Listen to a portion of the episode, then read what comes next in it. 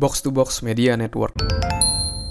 Hai, Chandra Swardes, dan pada podcast kali ini saya mau ngebahas tentang gimana caranya mengatasi overthinking tentang masa depan. Dan ini adalah pertanyaan dari Bro Muhajir ya. Ini yang kemarin juga karena dia nanya dua pertanyaan karena pertanyaannya adalah dua hal yang cukup berbeda gitu ya. Jadi saya bagi menjadi dua episode. Nah, jadi pertanyaan keduanya seperti ini. Saat ini saya usia 19 tahun. Oke, masih muda banget ya. Dan saya merasa bingung ketika explore berbagai skill yang mana yang harus saya kuasai.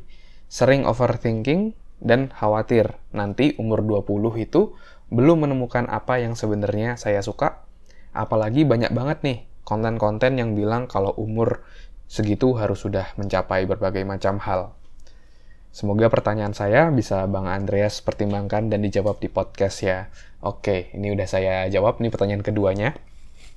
Jadi, untuk mengatasi overthinking pada masa depan, nah sebelumnya mungkin kita harus tahu dulu kenapa sih hal tersebut terjadi dan kalau kenapa hal itu terjadi, mungkin kalau kita lihat dari sudut pandang positifnya adalah itu berarti Bro Muhajir ini atau mungkin teman-teman yang merasakan saat ini itu kalian care kalian peduli untuk dengan masa depan teman-teman. Jadi itu yang membuat menjadi overthinking. Nah, tapi sisi negatifnya adalah mungkin itu akan menjadi mengganggu kita gitu ya dalam keseharian. Kita menjadi mencemaskan suatu hal dan hal yang lainnya dan itu kan hal yang tidak bisa kontrol gitu. Kita dan itu adalah hal yang tidak bisa kita kontrol gitu ya. Sesuatu yang di luar kontrol kita dan ketika kita mencoba mengontrol hal yang di luar dari diri kita itu adalah sumber dari stres gitu ya. Kita mencoba mengubah orang lain, kita mencoba mengubah masa depan, kita mencoba mengubah masa lalu, itu kan di luar dari kontrol kita. Oke. Dan satu hal lagi yang tadi disampaikan Bro Muhajir juga menarik ini terkait konten-konten saat ini nih. Jadi banyak banget nih konten-konten yang bilang, oh 25 tahun harus punya tabungan 100 juta misalnya, ada yang harus punya rumah, mobil.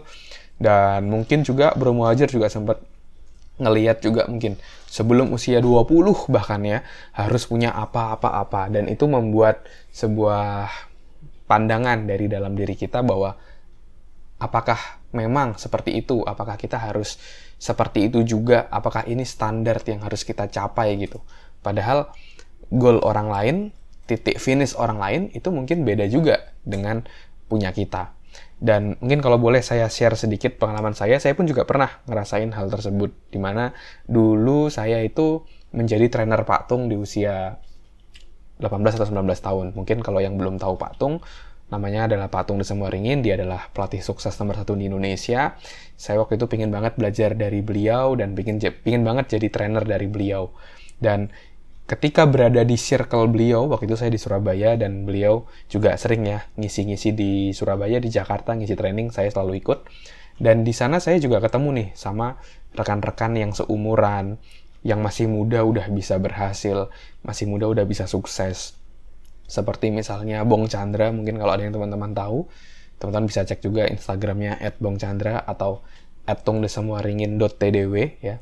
Kalau mau lihat orang-orang yang influence saya. Nah, kalau dari Bong Chandra itu, saya juga ngelihat, waduh, masih muda udah bisa jadi developer properti waktu itu. Dan ketika saya melihat seperti itu, saya juga merasakan yang seperti Bro Muhajir rasakan. Apakah saya harus bisa seperti itu juga? Kalau dia bisa seperti itu, kenapa saya enggak kayak gitu?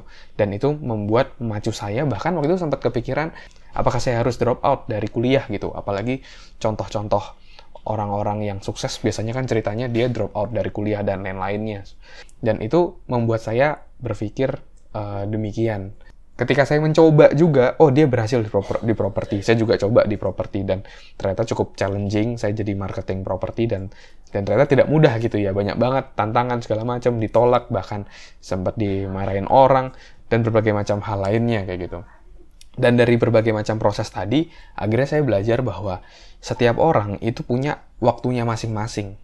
Ya, kita nggak bisa samain waktu kita sama waktu orang lain.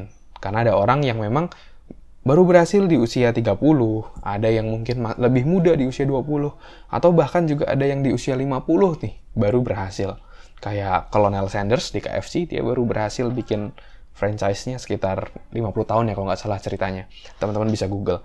Nah, itu berarti setiap orang punya waktunya masing-masing. Jadi kita nggak bisa ngebandingin. Begitu juga dengan garis startnya. Itu juga berbeda-beda. Ada yang memang dia punya uh, garis start yang lebih maju dibandingkan kita. Ada yang mungkin di belakang kita, atau ada yang mungkin dia punya fasilitas tertentu yang mempercepat keberhasilannya. Setiap orang punya garis startnya berbeda-beda. Nah, lalu gimana caranya untuk bisa mengatasi hal tersebut? Nah, kita harus tahu dulu purpose kita ini apa sih? Apa sih yang mau kita capai? Goal apa yang mau kita capai yang meaningful atau bermakna untuk diri kita?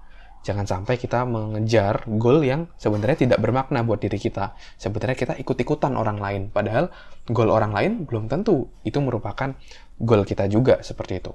Nah, akhirnya setelah itu saya coba refleksi ke dalam diri saya. Apa sih yang benar-benar paling ingin saya capai? Ibaratnya ini adalah ultimate goal saya. Ketika saya coba menyelami diri saya, apa yang mau apa yang paling ingin saya capai, saya sangat passionate sekali di HR, di people development, gimana saya bisa ngedevelop orang, gimana saya bisa menempatkan orang yang tepat di posisinya sehingga dia bisa produktif bekerja di organisasi atau perusahaan yang ada dan akhirnya perusahaan tadi bisa bertumbuh dan menguntungkan. Dan saya sangat interest sekali di dunia human resources. Maka dari itu setelah saya tahu apa goal saya, nah saya fokus nih, saya mau ke sana. Jadi saya buat goal diri saya bahwa saya pingin menjadi uh, eh, HR director. Jadi pingin menjadi direktur HR seperti itu ya. Dan goal terdekat saya adalah sebelum di usia 30 saya bisa jadi GM ya, Human Resource General Manager. Jadi jadi pimpinan HR walaupun masih di level di level GM tapi itu adalah goal saya. Memang cukup challenging, tapi tapi saya yakin saya bisa untuk uh, mencapainya dan goal itu justru membuat saya untuk terus bertumbuh, belajar apa lagi, belajar apa lagi, tingkatkan diri apa lagi, sampai akhirnya bisa mencapai goal tadi. Nah, dalam pembuatan goal sendiri, kalau yang saya pelajarin dari Tony Robbins, dari bukunya uh, Awaken the Giant Within, sebenarnya tujuan dari goal itu bukanlah pencapaian goalnya, tetapi kita menjadi apa selama kita mengejar goal tersebut. Oke, okay. sama seperti uh, lebah gitu ya dia hinggap dari bunga ke bunga yang lainnya, mungkin tujuannya ya dia hanya mengambil uh, sari bunga tadi. Tetapi dia secara nggak sadar bahwa ketika dia terbang dari satu bunga ke bunga yang lainnya, itu ada beberapa sari bunga yang jatuh ke dalam taman dan akhirnya justru membuat menjadi kebun yang indah, uh, banyak tumbuhan-tumbuhan yang tumbuh. Nah, sama juga dalam kita membuat goal, kita punya goal, saran saya adalah pastikan bahwa goal yang kita buat itu membuat kita menjadi orang yang jauh lebih baik, membuat membuat kita terus bertumbuh jadi jauh lebih baik. Setelah kita punya goal itu, skill kita bertambah, skill kita bertumbuh.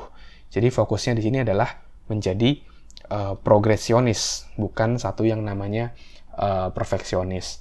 Nah, jadi saran saya untuk Bro Muhajir untuk ketika kamu melihat berbagai macam contoh di luar sana, oke okay, itu bisa dijadikan inspirasi. Tetapi untuk dijadikan goal pribadi, kamu perlu uh, menemukan apa sih purpose hidup kamu, apa sih yang paling kamu suka. Dari situ baru kita baru kamu kejar ke sana. Jadi memastikan bahwa apa yang kita kejar itu sesuatu yang bermakna buat kita.